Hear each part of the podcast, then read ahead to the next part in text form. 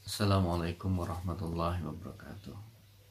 Alhamdulillah wa syukrulillah wa la hawla wa la quwata illa billah.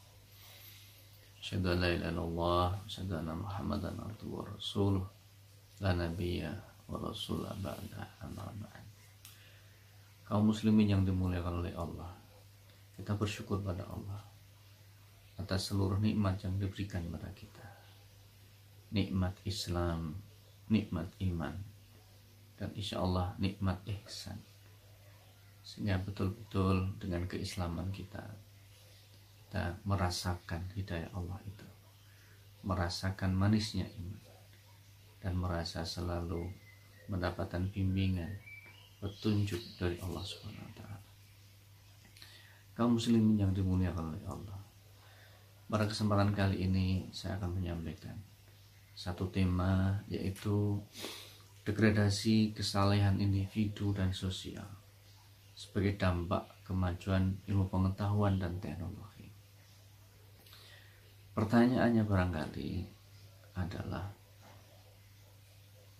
bagaimana posisi Islam terhadap ilmu pengetahuan dan teknologi ini? Pertanyaan ini tentu bisa dijawab bahwa Islam sangat tidak asing dengan iptek ini Islam justru sangat lekat dengan iptek ini. Kita tahu dalam sejarah perkembangan Islam ada Ibnu Sina, Ibnu Rus, Ibnu Tufail dan lain sebagainya. Banyak sekali. Mereka bukan hanya agamawan. Mereka bukan hanya orang yang faham dengan Islam. Tapi mereka juga, juga seorang filsuf. Mereka juga seorang ilmuwan mereka mengembangkan pemikiran-pemikiran yang sangat-sangat mendasar. Dan mereka juga mengembangkan ilmu pengetahuan dan teknologi. Sehingga temuan-temuan itu sangat banyak kita bisa lihat di dalam banyak literatur.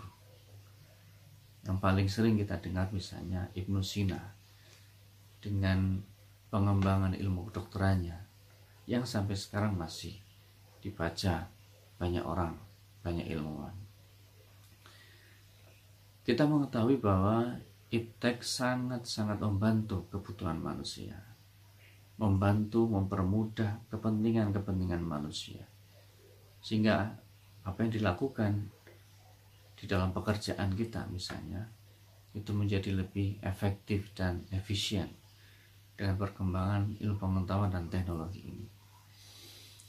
Namun demikian, saya kira ada dampak positif tetapi tentu juga ada dampak yang negatif dampak negatif inilah yang sering kali kita luput dari perhatian kita kita tidak pernah mencoba untuk melihat merefleksikan bagaimana sebenarnya dampak-dampak negatif dengan iptek ini yang barangkali tidak kita rasakan antara lain adalah terjadinya degradasi baik dari aspek individual maupun sosial dalam konteks kesalehannya.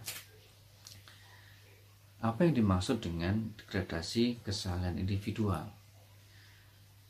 Bahwa keasikan kita di dalam mengembangkan ilmu pengetahuan dan teknologi ini sering kali melupakan Allah. Seringkali tidak menghadirkan Allah di situ. Secara ontologis kalau ini dalam bahasa filsafat kita tidak mencoba untuk mengerti sebenarnya dari mana asal ilmu pengetahuan itu Allah mengatakan di dalam surat Al-Baqarah 147 Al-Haqqu mirabbika bahwa sebenarnya kebenaran itu berasal dari Allah ini yang sering kali kita lupa bukan dari akal kita bukan dari kemampuan-kemampuan indera kita. Memang itu adalah alat yang diberikan oleh Allah kepada kita. Namun sebenarnya sumber pengetahuan sendiri kalau kita runut ke belakang, hakikatnya sebenarnya berasal dari Allah Subhanahu wa taala. Allah memberikan akal kita untuk berpikir afala ta'qilun afala tatafakkarun Inilah sering kali Allah menyindir kita. Mengapa kita tidak menggunakan akal kita? Mengapa kita tidak pernah berpikir tentang realitas yang ada di alam semesta ini? Inilah sebenarnya dasar-dasar yang sangat pokok di dalam Islam melihat ilmu pengetahuan dan teknologi ini. Demikian pula kita melihat bahwa selain rasio Allah juga memberikan alat pada kita untuk mengemban pengetahuan itu. Apa itu?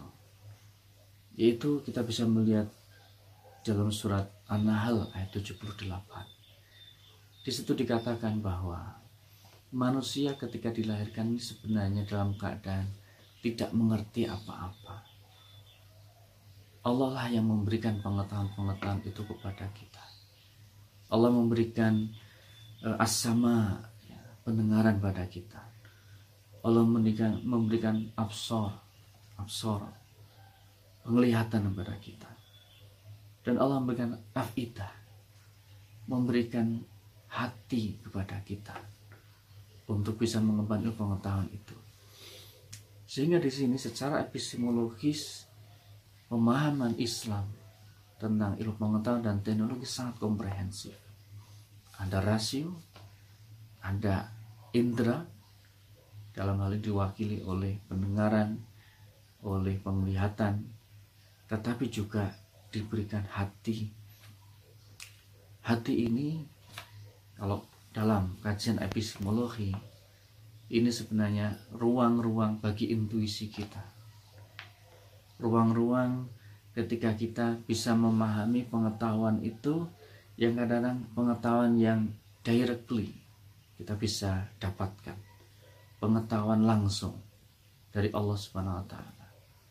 Kenapa sebenarnya hati ini menjadi penting di dalam pengembangan ilmu pengetahuan? Yang pertama, bahwa sebenarnya hati inilah yang dia mampu membaca atau berbahasa ruh. Karena ketika kita berkomunikasi pada Allah, sebenarnya itu bahasa ruh yang kita pakai. Memang ada bahasa lisannya, ada bahasa tulis. Tapi secara substansial sebenarnya adalah bahasa ruh. Dan ruh ini berasal dari Allah. Sebagaimana kita mengetahui janin pada usia 4 bulan itu Allah meniupkan ruhnya ruh mirrobi ruh dari Allah.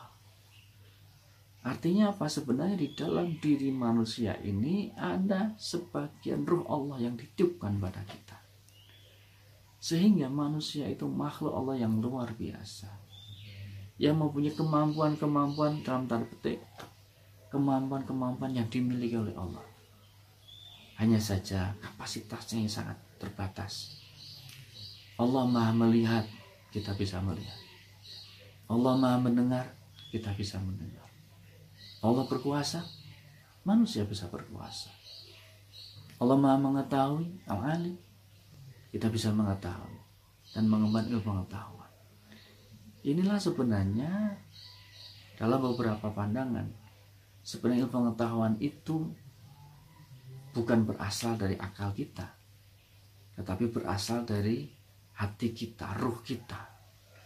Akal kita ini sebenarnya melaksanakan perintah dari kolbu kita. Mata kita, indera kita ini juga mengikuti perintah dari kolbu kita. Nah, ketika kolbu kita bersih, kita bisa menangkap cahaya kebenaran dari Allah Subhanahu wa taala. Maka ilmu pengetahuan itu seakan-akan membanjiri pengetahuan kita. Dan setelah itu kemudian akal kita, indera kita mengembangkannya lebih jauh lagi. Inilah kekuatan yang luar biasa di dalam konteks epistemologi di dalam Islam. Lalu kemudian hal yang lain adalah pada aspek aksiologinya. Di dalam surat Al-A'raf ayat 56, saya kira Allah juga menyampaikan dalam firman-Nya. Wala tufsitu fil ard. Ini singkat sekali. Saya potong ayat ini. Artinya apa di sini? Janganlah engkau membuat kerusakan di muka bumi ini. Lawan dari kerusakan adalah kebaikan. Dengan ilmu pengetahuan dan teknologi tidak boleh menghasilkan keburukan. Harus menghasilkan kebaikan. Khairun nas anfa'ulinas. Orang yang paling baik adalah orang yang paling banyak manfaat, kebaikan kepada orang lain. Kebaikan dalam arti yang luas. Kebaikan dalam arti sosial, kebaikan dalam arti e, nasihat-nasihatnya. Termasuk kebaikan dalam arti pengembangan pengetahuan dan teknologi. Islam mengembangkan iptek bukan untuk menguasai orang lain.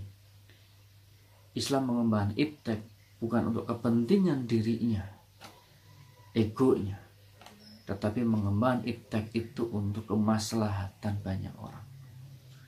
Inilah sebenarnya dasar-dasar di dalam kita mengembangkan pengetahuan dan, dan teknologi. Sekarang kita bisa melihat bagaimana degradasi kesalehan individu tadi juga bisa muncul karena eh, pengembangan pengembangan ilmu dan teknologi ini. Ketika tidak ada dasar-dasar filosofis yang kuat filosofi keislaman kita yang kuat tentang pengembangan ilmu pengetahuan dan teknologi itu. Dari mana asal ilmu pengetahuan dan teknologi? Bagaimana kita mendapatkan ilmu pengetahuan dan teknologi itu? Dan untuk apa ilmu pengetahuan dan teknologi itu dikembangkan? Ada aspek ontologinya, epistemologinya, dan aksiologinya sekaligus. Degradasi kesalahan individu juga bisa hadir meskipun sebenarnya secara positif ilmu pengetahuan dan teknologi juga bisa meningkatkan kesolehan sosial kita. Misalnya kita memanfaatkan medsos kita untuk menggalang donasi. Misalnya sekarang sedang mengalami pandemi covid misalnya bisa digunakan juga untuk memberikan pencerahan-pencerahan terkait bagaimana kita menghadapi COVID ini. Pencerahan dalam hal banyak apa pun. Pencerahan bagaimana menghadapi secara ekonomi, bagaimana menghadapi secara psikologi, bagaimana memahami dari aspek-aspek mungkin juga eh, kebudayaan dan lain sebagainya sangat mungkin bisa dikembangkan melalui ilmu pengetahuan dan teknologi. Namun demikian, hal-hal yang sifatnya negatif juga harus kita perhatikan di situ kita waspadai supaya itu tidak terjadi. Misalnya, justru iptek membuat kita saling terpisah satu dengan yang lain. Kita tidak mengerti bagaimana kondisi tetangga kita. Pada apakah dia sedang sakit? Apakah dia sedang kelaparan? Apakah sedang punya masalah? Kita kadang-kadang tidak tahu. Karena dengan HP kita misalnya, dengan komputer kita, kita berkomunikasi dengan orang yang jauh di sana yang kadang-kadang kita belum pernah ketemu nggak pernah mengenal mereka hanya kenal dalam dunia maya saja tetapi saat kita dekat pada mereka kita berdiskusi panjang lebar tapi kadang-kadang kita tidak mengerti teman kita, tetangga kita atau keluarga kita bagaimana kondisi mereka nah dampak-dampak yang kurang positif terhadap ilmu pengetahuan dan teknologi ini harus dikembalikan kepada akarnya.